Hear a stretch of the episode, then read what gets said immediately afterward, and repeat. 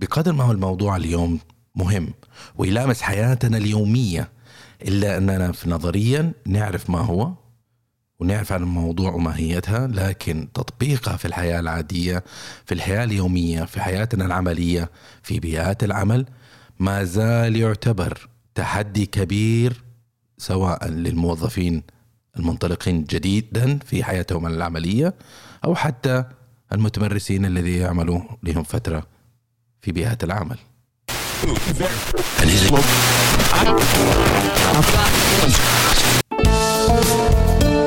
كلما زادت المعرفة قلت الحاجة للكلام. أهلا وسهلا بكم في حلقة جديدة من بودكاست جنبيات. البودكاست المتخصص في المواضيع الإدارية المختلفة من مدونة جنبي دوت ام اي والآن إليكم مقدم الحلقة أنور جنبي. أهلا وسهلا مع بكم في حلقة جديدة من بودكاست جنبيات. اليوم الموضوع حيكون بعنوان صبرا جميل والمسار الوظيفي الأحلام. قبل ما ننطلق في محاور البودكاست الحلقة نبي نتعرف أول شيء إيش هو المسار الوظيفي. كلنا نعرف أو قد سمعنا عن المسار الوظيفي المسار الوظيفي بكل بساطة وتبسيط هو الطريق اللي إحنا حننتهجه أو نسير فيه حتى نصل إلى هدفنا ونتنقل من مرحلة إلى مرحلة. المسار الوظيفي يعتبر في محطات. كل محطة فيها مهمة كل محطة فيها عمل معين. آه، ومنها نتطور. إلا أن هذا المسار الوظيفي بالنسبة لكثيرين مننا لا يكون واضح. فحابين اليوم نتكلم عن هذا الموضوع بشكل مفصل نشارك فيه الرأي. متمنين أنه يكون فيه نحقق فيه الفائدة للمستمعين والمستمعات. المسار الوظيفي جدا مهم إنه إحنا نعرف قدر الإمكان ونعرف كيف من إحنا بنتطور وننتقل من مرحلة لاخرى كثيرين من المستمعين والمستمعات يتواصلوا معي ويسألوني أسئلة مباشرة أو غير مباشرة حول المسار الوظيفي أو تحديات تهدد المسار الوظيفي حقهم أو إجراءات لا يعرفوا كيف يتصرفوا معها أو إيش هي ردة الفعل. أو ردات فعل حتى هم سووها. تأثر على المسار الوظيفي الخاص فيهم من غير ما يدركوا. ومسألة إنه إحنا نفهم ما هو المسار الوظيفي وما هو المسار الوظيفي الخاص فينا إحنا وما هي الإجراءات اللي, اللي, اللي علينا نتبناها. حتى نسير ونبقى نسير على هذا المسار الوظيفي جدا مهم. لكن قبل ما نسترسل خلينا نتطرق إلى كم سيناريو من الأسئلة التي وصلتني من مستمعينا الكرام. بالنسبة لموظف جاي يسألني والسيناريو حقه يقول إنه تم توظيفه في وظيفة ما لكن للأسف تم تعيينه في وظيفة لا يرى فيها أي تقدم لا يرى فيها أي خطوة قادمة. وظيفة محددة جدا. وهذا الشيء يؤثر على طموحه. سؤال ثاني من مستمعة أثارتها. تقول أنا أشتغل في وظيفة. البيئة العمل جيدة وما فيها شيء وإيجابية وكل شيء لكن تغيب عني التعلم والتطور. ما عندهم أي برنامج على التعلم والتطور. هذا الشيء يسبب لي أنه أنا ما أعرف أنا كيف أحتاج أو أتطور أو أتبنى مهارات جديدة حتى أنتقل للمرحله الجايه ناهيك إنه أنا ماني عارفة حتى إيش الخطوة الجاية. سؤال آخر من من أحد المستمعين يقول أنا تعينت في وظيفة لكن الوظيفة حقتي أحس إنها أقل من إمكانياتي الأكاديمية. الأستاذ كان مهندس ويحس إنه وظيفته لا تتماشى ولا تلائم آه، مؤهله الأكاديمي. أسئلة كثيرة تجيني من مستمعين ومستمعات حول مؤامرات بيئة العمل.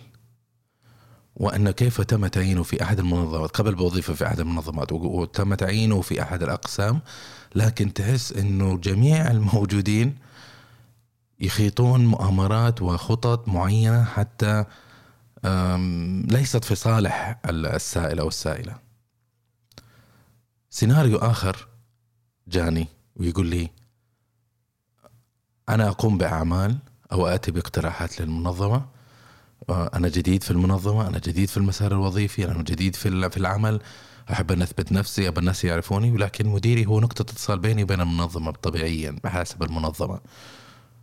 وأعرض أنا على المدير الأفكار أو أعرض على أعمال أعمالي لكن أكتشف في نهاية المطاف أن المدير يأخذ تلك الاقتراحات ويأخذ تلك الأعمال ثم ينسبها لنفسه ويأخذ عليها شكر من المنظمة. فماذا يفعل؟ أشخاص آخرين يسألوا عن التهميش التهميش بالنسبة لهم. أوكي هو موظف يعمل عنده مهام وكل شيء لكن وظائفه محددة. ونوعا ما في هذه الحالة تختلف عن السؤال السيناريو اللي سبق ذكرناه سابقا أنه يحس أنه هو مهمش. الآن هذه الأسئلة اللي ذكرناها كلها تتفق في شيء واحد معين. تلامس وتهدد مسار الموظف أو الموظفة. وكلها سيناريوهات قد مرت علينا من وقت لآخر أو قد سمعناها من زملائنا أو زميلاتنا. وهذا شيء يعتبر نوعا ما مهم جدا بالنسبة بالنسبة للموظف. لأنه إذا إنه في أي شيء يهدد المسار الوظيفي أو المسار الوظيفي غير واضح له فهذا يسبب إشكالية بأنه يحس إنه غدا غير واضح أو غير واعد بالنسبة له. وهذا شيء واقعه كبير خاصة بالنسبة للشباب اللي داخلين بيئات العمل. وأمامهم أحلام وطموحاتهم تغمرهم وحابين انهم يثبتوا نفسهم ويحققوا أحلامهم. الآن لسه هو في ذروة من الثقة في النفس. ذروة من الثقة في النفس ذروة من الرغبة والطموح. ومسألة إنه أنت تقول لي والله المسار الوظيفي حقي آه، ماني فاهم أنا إيش بكرة ولا أنا ماني مقتنع في الوضع الحالي. هذه تعتبر إشكالية وتضع الموظف تؤثر على الانجيجمنت تؤثر على اندماجه وتؤثر على آه، وضعه واستقراره وتسبب احتمال كبير إنه هو يتسرب وظيفيا يعني يدور على وظيفة خارج المنظمة. لأن بما إنه المنظمة هو ما هو قادر يلاقي ما يلبي حاجاته في المنظمة فهذا الشيء آه، يجبر أنه يبحث في مكان آخر. تذكروا معي يا أخواني وأخواتي هرم ماسلو للحاجات. هرم ماسلو للحاجات هو هرم يمثل ويوضح ما هي حاجات الموظف التي ينتقل منها من مرحلة لمرحلة تقريبا في خمسة أو ستة مراحل. أولها هي الحاجات الأساسية. ثم يتقدم إلى إلى أعلى مستوى اللي هي إثبات الذات أو التقدير. وطبعا ما حيدور على إثبات الذات والتقدير إذا هو ما عنده حاجات أساسية، حاجات أساسية الأكل والشرب والأمان وكذا، ثم بعدها الاحترام، ثم بعدها كذا، فتتقدم إلى توصل لتحقيق الذات والتقدير اللي هو إذا هو تشبع من جميع المراحل السابقة يوصل لتحقيق الذات، ويبى يبى يبى يحس إنه هو فعال في المنظمة، مقدر، بياخذ نتائج، بياخذ آه، المكافآت حقته اللي هو بنظره هو يستحقها. بالنسبة للموظف. عادة الموظف وفي نظري أنا أنه يكون عنده ثلاثية من التوقعات في أي وظيفة وبشكل مبسط. الراتب المستقبل الوظيفي واللايف ورك بالانس موازنة بين الحياة والعمل. ما يبغى العمل يكون أكثر ومستولي على حياته يبغى يكون عنده حياة ويشتغل. وهذه هذه النقطة الثالثة تجدها جلية في الميلينيالز الجيل الأخ الشبه الأخير اللي مواليد مواليد تقريبا 1979 1980 وانت طالع. هذا الجيل المولود في هذه الفترة يسموهم مالينيز مالينيز الآن لهم تقريبا خمس سنوات بدأوا يدخلوا أعمارهم تأهلهم دخول بيئة العمل بدأنا نشوفهم. فهذا الجيل يهتم في الموازنة الحياة والعمل وجدا مهم جزء بالنسبة لهم. أكثر من أي جيل سابق. الثاني يعني ها ممكن. والجيل اللي قبله أبعد ما ينظر إلى موازنة الحياة والعمل لأنه ينظر إنه الحياة هي العمل وإنه عليه إنه هو يتقبلها باي بأي تكلفة كانت.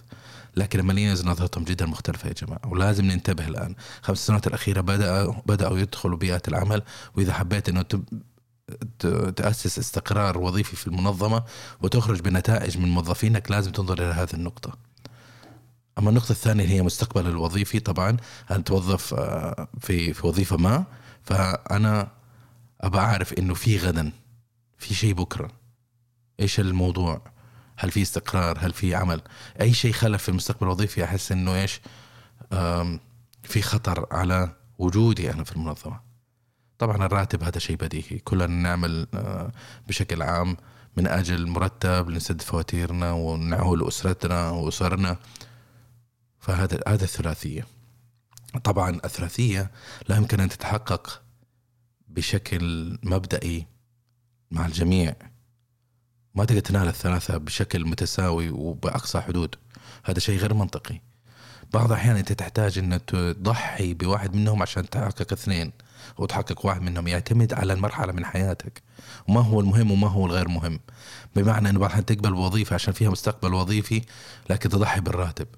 بعض الأحيان تقبل بالراتب آه لأنه هو مجزي وتقبل الوظيفة لكن ما فيها موازنة حياة والعمل. تقول والله أنا بتعلم المرحلة هذه أضغط على نفسي لكن آه، ما دام إنه في راتب مادي أنا أسس نفسي في مستقبل وظيفي فمهم أتعلم وأتطور فالموازنة الحياة أضحي فيها. بعض الناس لا يقول لك أنا يا أخي أهم شيء عندي الحياة والعمل آه، وأتعلم okay. بس الراتب ما هو مشكلة. هذا الراتب اللي عرضوا علي okay ما هو أحلامي لكن بالنسبة لي أنا راضي عنه. ف هذه بالنسبة بشكل عام بس حبينا نتناقش عنه إنه هي ثلاثية التوقعات بالنسبة للموظف. أما من ناحية لما نيجي نبيهة العمل لازم نعرف إنه لازم إحنا نفهم ما هي مبادئ بيئة العمل وكيف إيش علينا لازم إحنا نتعلمه حتى نشتغل في بيئة العمل بطريقة احترافية. وبعد ما نقرأ لا تتوقع إنك أنت تجي في هذه المنظمة اللي تشتغل فيها ثم تطبق كل شيء نظريا كما هو ويجي يتحول إلى أمر واقع. إحنا عارفين إنك أنت لازم تقرأ عشان تتعلم عشان تعرف كيف تتصرف عشان توقعاتك تكون منطقية لها معنى ناضجة وهذا جدا مهم. لازم تقرأ. لكن مسألة إنه هل كل شيء يكون ضوء أخضر أمامك أو مروج خضراء وورود وفراشات وأحلام وردية؟ لا ابدا. ابدا. مرحبا بك في الحياة الواقعية. الحياة الواقعية فيها سعادة فيها تعاسة فيها تحقيق أحلام فيها تحقيق طموح فيها انكسار فيها حزن فيها هذه الحياة. ومنها بيئة العمل. لما تشتغل فيه. في فشل. ولازم تذوق الفشل عشان تتعلم كيف ت... إيش طعم النجاح وتسعى وراه.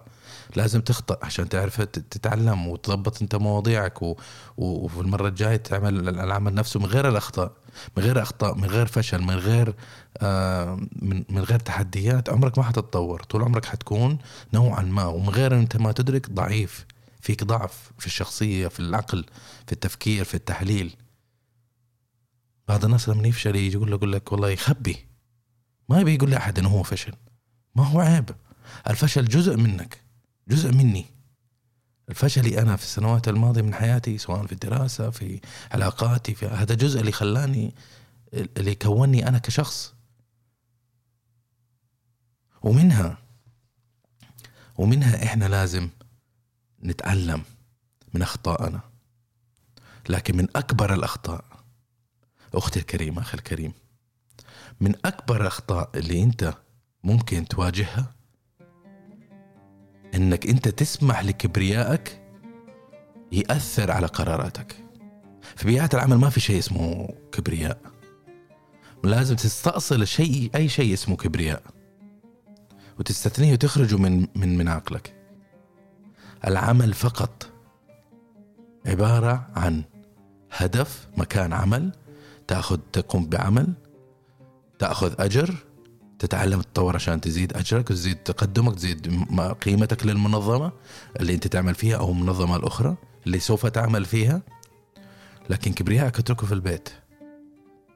ليس معناه إنك أنت مهندس معناته أنت من أول يوم تعمل فيه معناته أنت مدير. مو معناته أنت إذا إنك أنت شغال بخبرة 15 سنة ما معناته أنت ما تخطئ. وإذا اخطات مستحيل إنه أحد غير مقبول إنه أحد ممكن إنه يبين لك خطأك بالضغط ولا بطريقة قد لا تعجبك. لا هذا بيئة العمل. لازم تكون واقعي في توقعاتك. لازم تكون واقعي في توقعاتك لأبعد حدود حتى لا تصطدم. الرقم واحد المسبب لخروج الموظفين من بيئات العمل هو توقعاتهم ومفهومهم هم. أمس كنت مع العائلة بنتناقش عن آه، أقاربي كنا نتناقش عن الجيل الحالي بشكل عام وطريقة تحليلهم وتفهمهم للأحوال الجارية.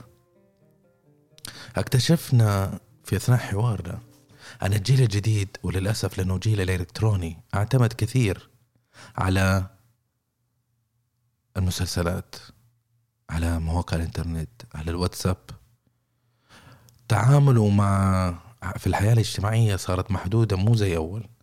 حتى لو كان أعلى مستويات في الجيل الحالي ما زال في جزء كبير يذهب إلى الإلكترونيات. أما الأجيال القديمة ما كان عندهم إلكترونيات كانوا مية في المية يكتسبوا مهاراتهم وخبرتهم من الجيل اللي قبلهم من بيئتهم من أندادهم من زملائهم من أخوانهم. أما الآن يأخذ المواضيع من كتب من بي دي افس من منتديات من سكايب وسائل التواصل الاجتماعي. هذا مصدر العلم حقهم. لما يجي هو ردات فعله بسبب إنه أغلب خبرته مكتسبة من ناس ونظريات نكتشف إنه هو ردات فعله قد تكون غير منطقية لأنه غير ناضج. ما اكتسب خبرته بالعمل. العلم والمعرفة لها نوعين. نوع قابل للتسجيل وقابل للتوريث بشكل بسيط. هذا زي العلم في الكتب وفي الجامعات. وفي علم ثاني ترى لازم ما تقدر ما ينكتب علم ما ينكتب. لكن يكتسب بالعمل والاختلاط مع الناس أهل الخبرة. إذا نرجع لموضوعنا. الكبرياء ليس له دخل بالعمل. وفي بيئات العمل أندادك أو زملائك أو مدرائك أو الناس اللي تعمل فيهم عملاك الناس اللي حولك في جيرانك ترى مو كلهم سوا. يختلفوا في الخبرة يختلفوا في المهارات يختلفوا في النيات يختلفوا في الأجندات يختلفوا في الأخلاقيات وفي الثقافة. ما تقدر أنت من أكبر الأخطاء وأنا أقع فيها شخصيا وقت لآخر أفترض أنه الشخص اللي أمامي مثلي. لما أستشيره أتوقع أنه يعاملني بنفس المستوى. لكن هذا مو واقع وهذه غير حقيقة. فأصابعك ما هي سوا. ممكن تستشير الناس. خذ اللي يعجبك واترك اللي ما يعجبك. خذ اللي له منطق واترك وتجاهل اللي ما له منطق. أنت إنسان له عقل وعليك إنك أنت تتفهم وعليك إنك أنت تتبنى وعليك انت تحلل إيش تكسب وإيش ما تكسب. وفي نفس الوقت لما تتعامل مع الناس لا تتعامل معهم كلهم بحد سواء. عاملهم باختلاف.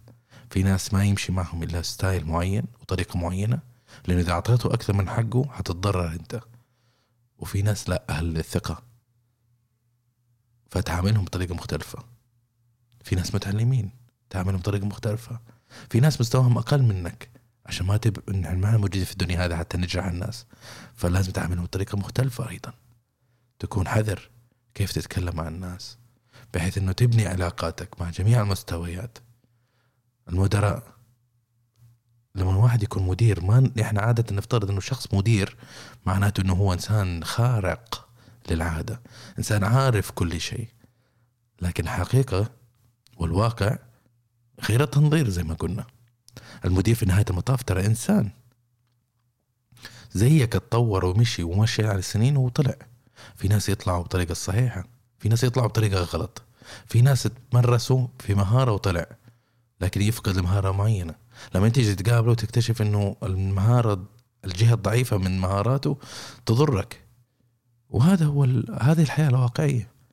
لكن لما تعمل مع شخص مساوي لك في المستوى أو أعلى منك مستوى أخبر منك أو أقل منك. الهدف واللعبة كلها يا إخواني وأخواتي إنه الفريق بما فيهم أنت تكملوا بعض. المدير يكملك أنت تكمل المدير. أنت تكمل زميلك سواء كان أفقي أو أعلى منك أو أقل منك.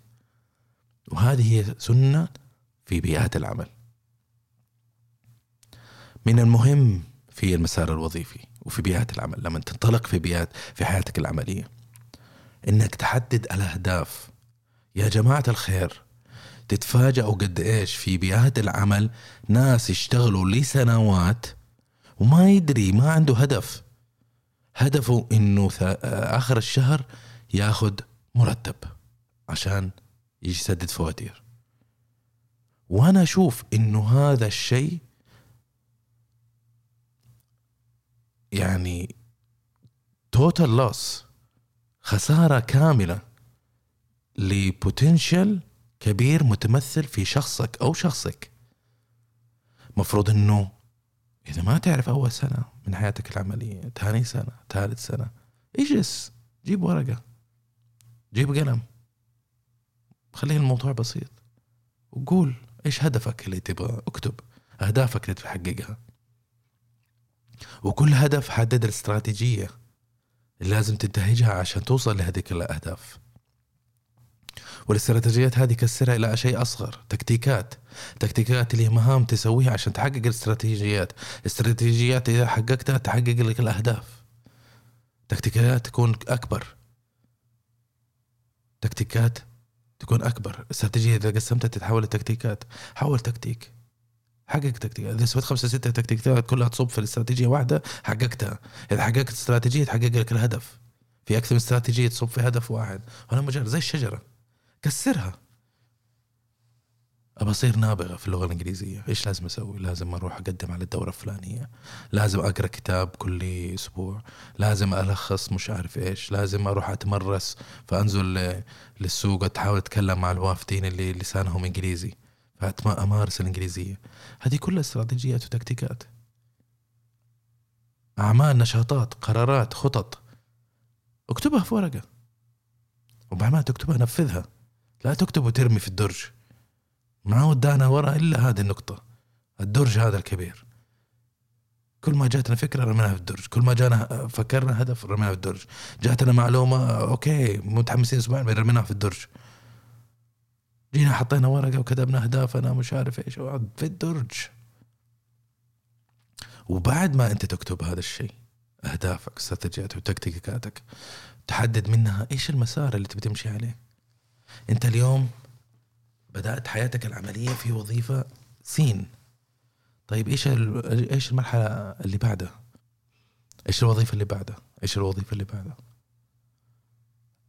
ولازم تمشي متساوية ولها معنى ولها علاقة مع أهدافك واستراتيجياتك وتكتيكاتك. حدد المسار الوظيفي ابى اصير مدير الشركة. طيب مدير الشركة كيف؟ لازم أنتقل بين من الوظيفة اللي أنا فيها آخذ هذه الوظيفة ثم وظيفة هذه ثم وظيفة باء ثم جيم ثم حاء. ثم أخذها وأحاول أخذ الماجستير عشان أكتسب دراسة أكاديمية وأخذ الدورة الفلانية ثم أوصل لهدفي الأخير اللي هو مدير الشركة. وأعزائي لا تستبعد تقول أنا لا ما أقدر. كل شيء ممكن إذا أنت واثق في نفسك. طبعا إذا أنت ما أنت شايف نفسك يناسب في ش... ينا... مو كلنا حنكون مدراء مو كلنا حنكون مليونيرية مو طبيعي هذا الشيء.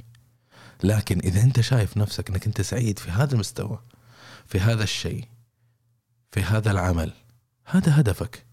مو هدفنا كلنا نكون مدراء.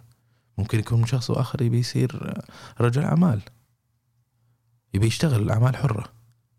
طيب حدد الاستراتيجيات والتكتيكات اللي تحتاجها عشان تصير رجل أعمال عشان تصير في أعمال حرة عشان يصير عندك عمل منفصل مستقل. بعد ما تعمل الهدف بعد ما تحدد الهدف هل هذا هذه الخطة هي الخطة النهائية؟ من هنا ل 15 سنة هي نفس الخطة؟ لا طبعا. أبدا. مرة ثانية أقول لكم أهلا فيكم في الواقع. ليش؟ لأنه اليوم إحنا نرسم على حسب إحنا ما نعرف اليوم. وقاعد نجتهد ونحاول نكد ونركض ونسوي ونحقق. ثم نكتشف إنه والله في حدث معين صار لعب في كل الخطط حقتي. لازم أخذ الأهداف حقت الاستراتيجيه والتكتيكات وأعيد هيكلتها مرة ثانية وأحدثها. مع الوقت كل ما تغير شيء في المتغيرات أحدث الخطة أحدث التوجه بحيث إنه دائما المسار الاستراتيجيات والتكتيكات تكون تصب في هذاك الهدف. إذا تغيرت المتغيرات تغير الحالة تغير الأوضاع والظروف استراتيجيات والتكتيكات ممكن تغييرها لكن الهدف دائما أمامك. بعض الأحيان تكتشف إنه هدفك نفسه تغير. أنا ما بصير هذا الشيء بصير هذاك. أبى أحقق هذا هذا الإنجاز أبى أحقق هذا العمل. فإذا تغير أهدافك بعد. مرة ثانية تغير استراتيجياتك وتكتيكاتك. ما ينفع تمشي على استراتيجيات وتكتيكات تمشي على هدف غلط. الظريف في الموضوع إنه حتى بعض الناس يكون يعني حدد أهدافه وحدد استراتيجيات وحدد التكتيكات. بغض النظر مو لازم تكون بالمسميات الصعبة هذه بس إنه حدد هدفه. ويقول لك يا أخي أنا أشتغل بس ماني واصل. طيب أنت عزيزي وأختي الكريمة ماشيين أنتم على سنة معينة أو طريقة معينة من المهام. سلسلة من التكتيكات والاستراتيجيات لمدة العشر سنوات الماضية. وما أنت قاعد تتقدم النتيجة غير مجدية. طيب ما فكرت إنه ربما هذه الاستراتيجيات والتكتيكات خطأ؟ الشيء اللي أنت تسويه أمس إذا ما ينفع اليوم إذا كررته ما حيسوي نتيجة مختلفة حتبقى في نفس مكانك. وهذا الفخ اللي يقعد فيه كثيرين في شيء اسمه status quo محلك سر. وهذا شيء خطير. إنه الواحد يفكر إنه هو إذا استمر في عمل معين عمل استمر ويشتغل ويحاول ويتبسم ويتمصلح ويسوي إنه يحل باله إنه النتيجة حتتغير فجأة حيصير مدير كوكب الأرض. لكن لا. إذا أنت عشر سنوات قاعد تسوي نفس الشيء وما أنت راضي عن النتيجة اضمن. إذا أنت استمريت في نفس النشاط ونفس العادات ونفس الطريقة النتيجة هي نفسها. ما حيختلف شيء معك. وإذا كنت ناوي إنك تغير وضعك غير الطريقة والأسلوب اللي أنت ماشي عليه. الموظفين دائما أقول لهم هذا الحاجة. يجي يقول لي أنا أنا أنا ما ترقيت أنا ما أخذت أنا ما سويت أنا مش عارف إيش. ترى مو عشان مو عشان شكلك ولا شهادتك ولا أسلوبك ولا بلدك اللي أنت منها هو السبب. أنت السبب. دائما أنت السبب. وبطريقة أكثر تحديدا تصرفاتك وطريقتك هي السبب. إنك أنت اخترت طريقة ما هي مناسبة للسيناريو اللي أنت فيه. وما في مشكلة إنك تخطأ بس لازم تعدل حدث المسار حدث الخطة حدث الأسلوب اللي أنت ماشي عليه. في بيئات العمل بما إنها واقع فهي ليست حقول من الورود والزهور. هناك صراع. المنظمة مكونة من بشر. البشر لهم أجندات ولهم أهداف. كل واحد له هدفه. أنت ما تدري يا أخي فيها ناس عندهم أهداف غير أخلاقية. في ناس عندهم أهداف أخلاقية لكن تتصادم مع أهدافك. ما تمشي مع بعض. كيف تتصرف معه؟ في صراع ممكن يكون مع في موقف معين. في صراع يكون مع الأفراد. فكيف تتعامل معه؟ أخي أختي الكريمين الدنيا وحياة العمل ليست أبيض أسود هناك منطقة كبيرة جدا من اللون الرمادي بينهم. عندما أحد يمس أهدافك أو مسارك الوظيفي أو مصالحك مو معناته انتهت الدنيا. لكن معناته انت لازم تجلس وتحدد أهدافك واستراتيجيتك وتكتيكاتك وتغيرها حتى تتعامل مع هذا المتغير اللي صار. وليس كل تصادم لازم تتعامل معه حتى تنتصر تذكر إنه ما في شيء اسمه كبرياء. لكن لازم أنت تكون ذكي.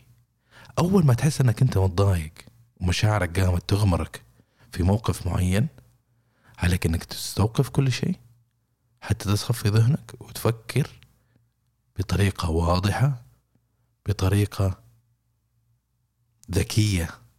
وأنت دائما تذكر أنت أذكى من أي موقف ممكن يمر عليك. لكن عليك تحدد أنت إيش تبغى تسوي. لما يمر عليك موقف تريث فكر حلل. جيب الورقة والقلم القلم مرة ثانية وحللها وشوف إيش ما لازم تغير وكيف تتصرف وكيف تعمل. هل هذه قضية تسوى إني أنا أتعامل معها؟ ولا أتجنبها؟ ولا لازم اتجنب أتعامل معها الآن واحلها حتى إنه أحقق شيء؟ طيب إذا أنا تعاملت معها الآن وكنت صارم مثلا حتى أوصل هدفي إيش الفائدة المرجوة من تصرفي؟ كثيرين يقوموا بتصرفات على مشاعر. لكن هل في فائدة يستفيد منها؟ مديري أخذ أخذ الفضل على مقترح أو عمل ما. طيب. رحت عملت مع النتيجة إنك حتوتر العلاقة بينك وبين هذا المدير. ما هو رايح مكان. طول عمره حيكون مدير. حتروح تقول له هذه فكرتي وأنا أبغى وأنا أبغى وأنت أخذت وأنت لي. طيب يا أخي صح كلامك. أنا شيء مؤلم من هذا الشيء صار. لكن هل حتستفيد لما تواجهه ولا حتنظر وهذا الشيء الجوهري. لما تتصرف لازم تفهم. هل في فائدة أنت حتحققها ولا حتطلع منها خسران زيادة؟ الثقة في النفس جدا مهمة يا أخواني وأخواتي. لكن الثقة في النفس عامل خطر.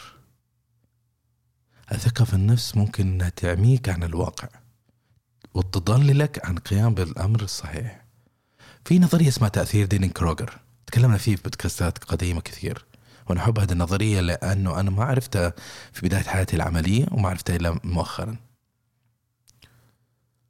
هذه التأثير دين كروجر تصف العلاقة بين الثقة والخبرة. ويقول لك إنه الشخص بقليل الخبرة أول ما يبدأ حياته العملية يبدأ حياته العملية بثقة زائدة وما عنده خبرة. ثقة زائدة ومع زيادة خبرة يبدا تبدأ الثقة تنخفض إلى مستويات جدا متدنية. ومع زيادة الخبرة مرة أخرى يبدأ تصعد الثقة إلى مستويات أعلى.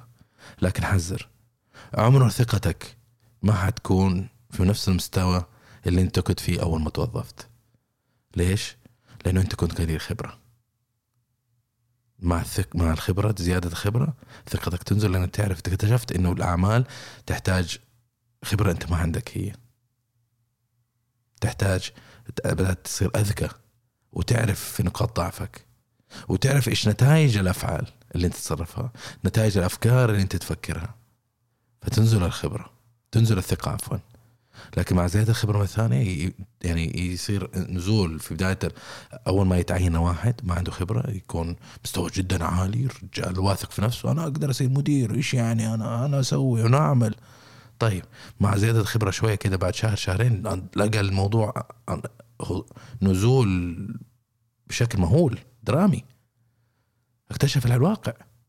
ما كان يعرف. ثم بعد سنة سنتين يبدأ تظهر مرة ثانية تطلع شوية شوية الرجال بنى خبرته. وثقته تزيد. لكن عمرها ما توصل للخبرة لما كان هو مستجد. لما كان هو جديد ما هو ملم. في الوضع في الحال. الثقة في النفس مهمة لكن احذروا من هذا الشيء. احذروا انكم تنبرشوا خلف الثقة في النفس وتحسب ان كل شيء سهالات وكل شيء انت متمكن فيه انت ما انت متمكن من اي حاجة. يعني نتمكن كفريق نعمل كلنا مع بعض ونتمكن لكن ما نقدر نعمل كل شيء لوحدنا. مستحيل. وفقط الغبي اللي يقول أنا أقدر وما أحتاج زملائي. ونجاح المنظمة علي. وسمعتها كثير. وشفتها كثير. لما تيجي تمر في موقف معين فكر في النتائج. وفكر في التصرفات اللي تحتاجها. ولا تسوي دراما. وعلى قولتهم لا تعمل من حبة قبة. لا تدقق في كل موضوع وتخليه الموضوع محوري عليك أنت. أنت جزء من منظمة. جزء من عمل. جزء من بيئة. وما أنت ابدا حتكون أنت المنظمة. فابعد عن الدراما وخليك ذكي. استشير من حولك. لا تقعد صامت وتتصرف وتعمل وتنبرش وتتحمس. شوف الناس اللي حولك اسألهم إيش رأيك يا أخي هذا الموضوع؟ ما أدري إيش أسوي فيه. وماني عارف إيش رأيك أنت؟ خذ من فلان خذ من علان بس لا تستشير أي واحد منهم. استشير واحد كويس يستاهل إنك تستشيره. إنسان عنده خبرة. والاهم من الخبرة انه إنه أنت تثق فيه. مو واحد تجي تستشيره. يوجهك بطريقة غلط. في كثيرين منهم يا أخي. تروح تستشيره يبرشك تيجي تقول له والله يا أخي مديري اليوم شغر لي. هزأني. وش رأيك؟ إيش أسوي؟ يجيك هذاك الآدمي يبرشك. ليش؟ ليش تخلي مديرك يهزك انت كيف تسكت وكيف تتقبل؟ انت مواطن انت فعلة انت تركة انت كذا. كل يوم حتكون مرمطون. روح عنده افتح الباب و... وقول له ينبرش الادمي هذاك مسكين تطالع تقول العالم إيش فيه فين قاعد؟ في البيت؟ مو أي واحد أنت تسمع منه تثق فيه. خذها بالراحة. خذها على نسم طويل. خذها بتروي وبذكاء. وانتبه. يا أخواني يا أخواتي انتبهوا من شيء اسمه الانبراش. كنتم مع حلقة أخرى من بودكاست جنبيات. ندعوكم لزيارة المدونة على Janbi dot ME ومتابعتنا على قنوات ال social media. دمتم بود وفي أمان الله. وصلنا للمحطة الأخيرة من بودكاست حلقة اليوم. أشكركم لاستثمار وقتكم معنا وحضور ما كان لدينا من نقوله حول الموضوع. اليوم اللي هو كان صبرا جميل ومسار الوظيفي الأحلام. أه وأشكركم على المتابعة والمراسلة واستثمار الوقت. وأدعوكم أنكم تتابعونا على ال social media LinkedIn Twitter. وتواصل معنا إذا كانت عندكم أسئلة. البودكاست هذا عمل غير ربحي. آه، أقوم فيه شخصيا فقط لسبب واحد. نشر علم ينتفع به. مشاركة الخبرة. محاولة مساهمة في إثراء المحتوى العربي. مساهمة في بناء بيئة عمل مثالية المثالية. مساهمة مع الجيل الجديد. ومساعدتهم في الانطلاق بقوة في حياتهم العملية. إذا كانت عندكم أسئلة تواصلوا معنا. زوروا المدونة جانبي دوت ام اي j a n b i دوت m e. وفيها تجدوا كثير من المقالات مقالات وكثير من البودكاستات وكثير من المعلومات والدروس وال videos. وأتمنى أنكم إذا كان عندكم اقتراح ولا أي شيء تشاركوه معنا. وأكثر شيء ممكن يسعدني وأطلب منكم طلب واحد. إنكم إذا وجدتوا المحتوى مفيد وله معنى واستفدت منه فعليا. أتمنى أنكم أنتم تشاركوه مع شخص واحد على الأقل. وهذا الشيء حيجعلني سعيد. وأشكركم مقدما. ونراكم على خير. وفي أمان الله.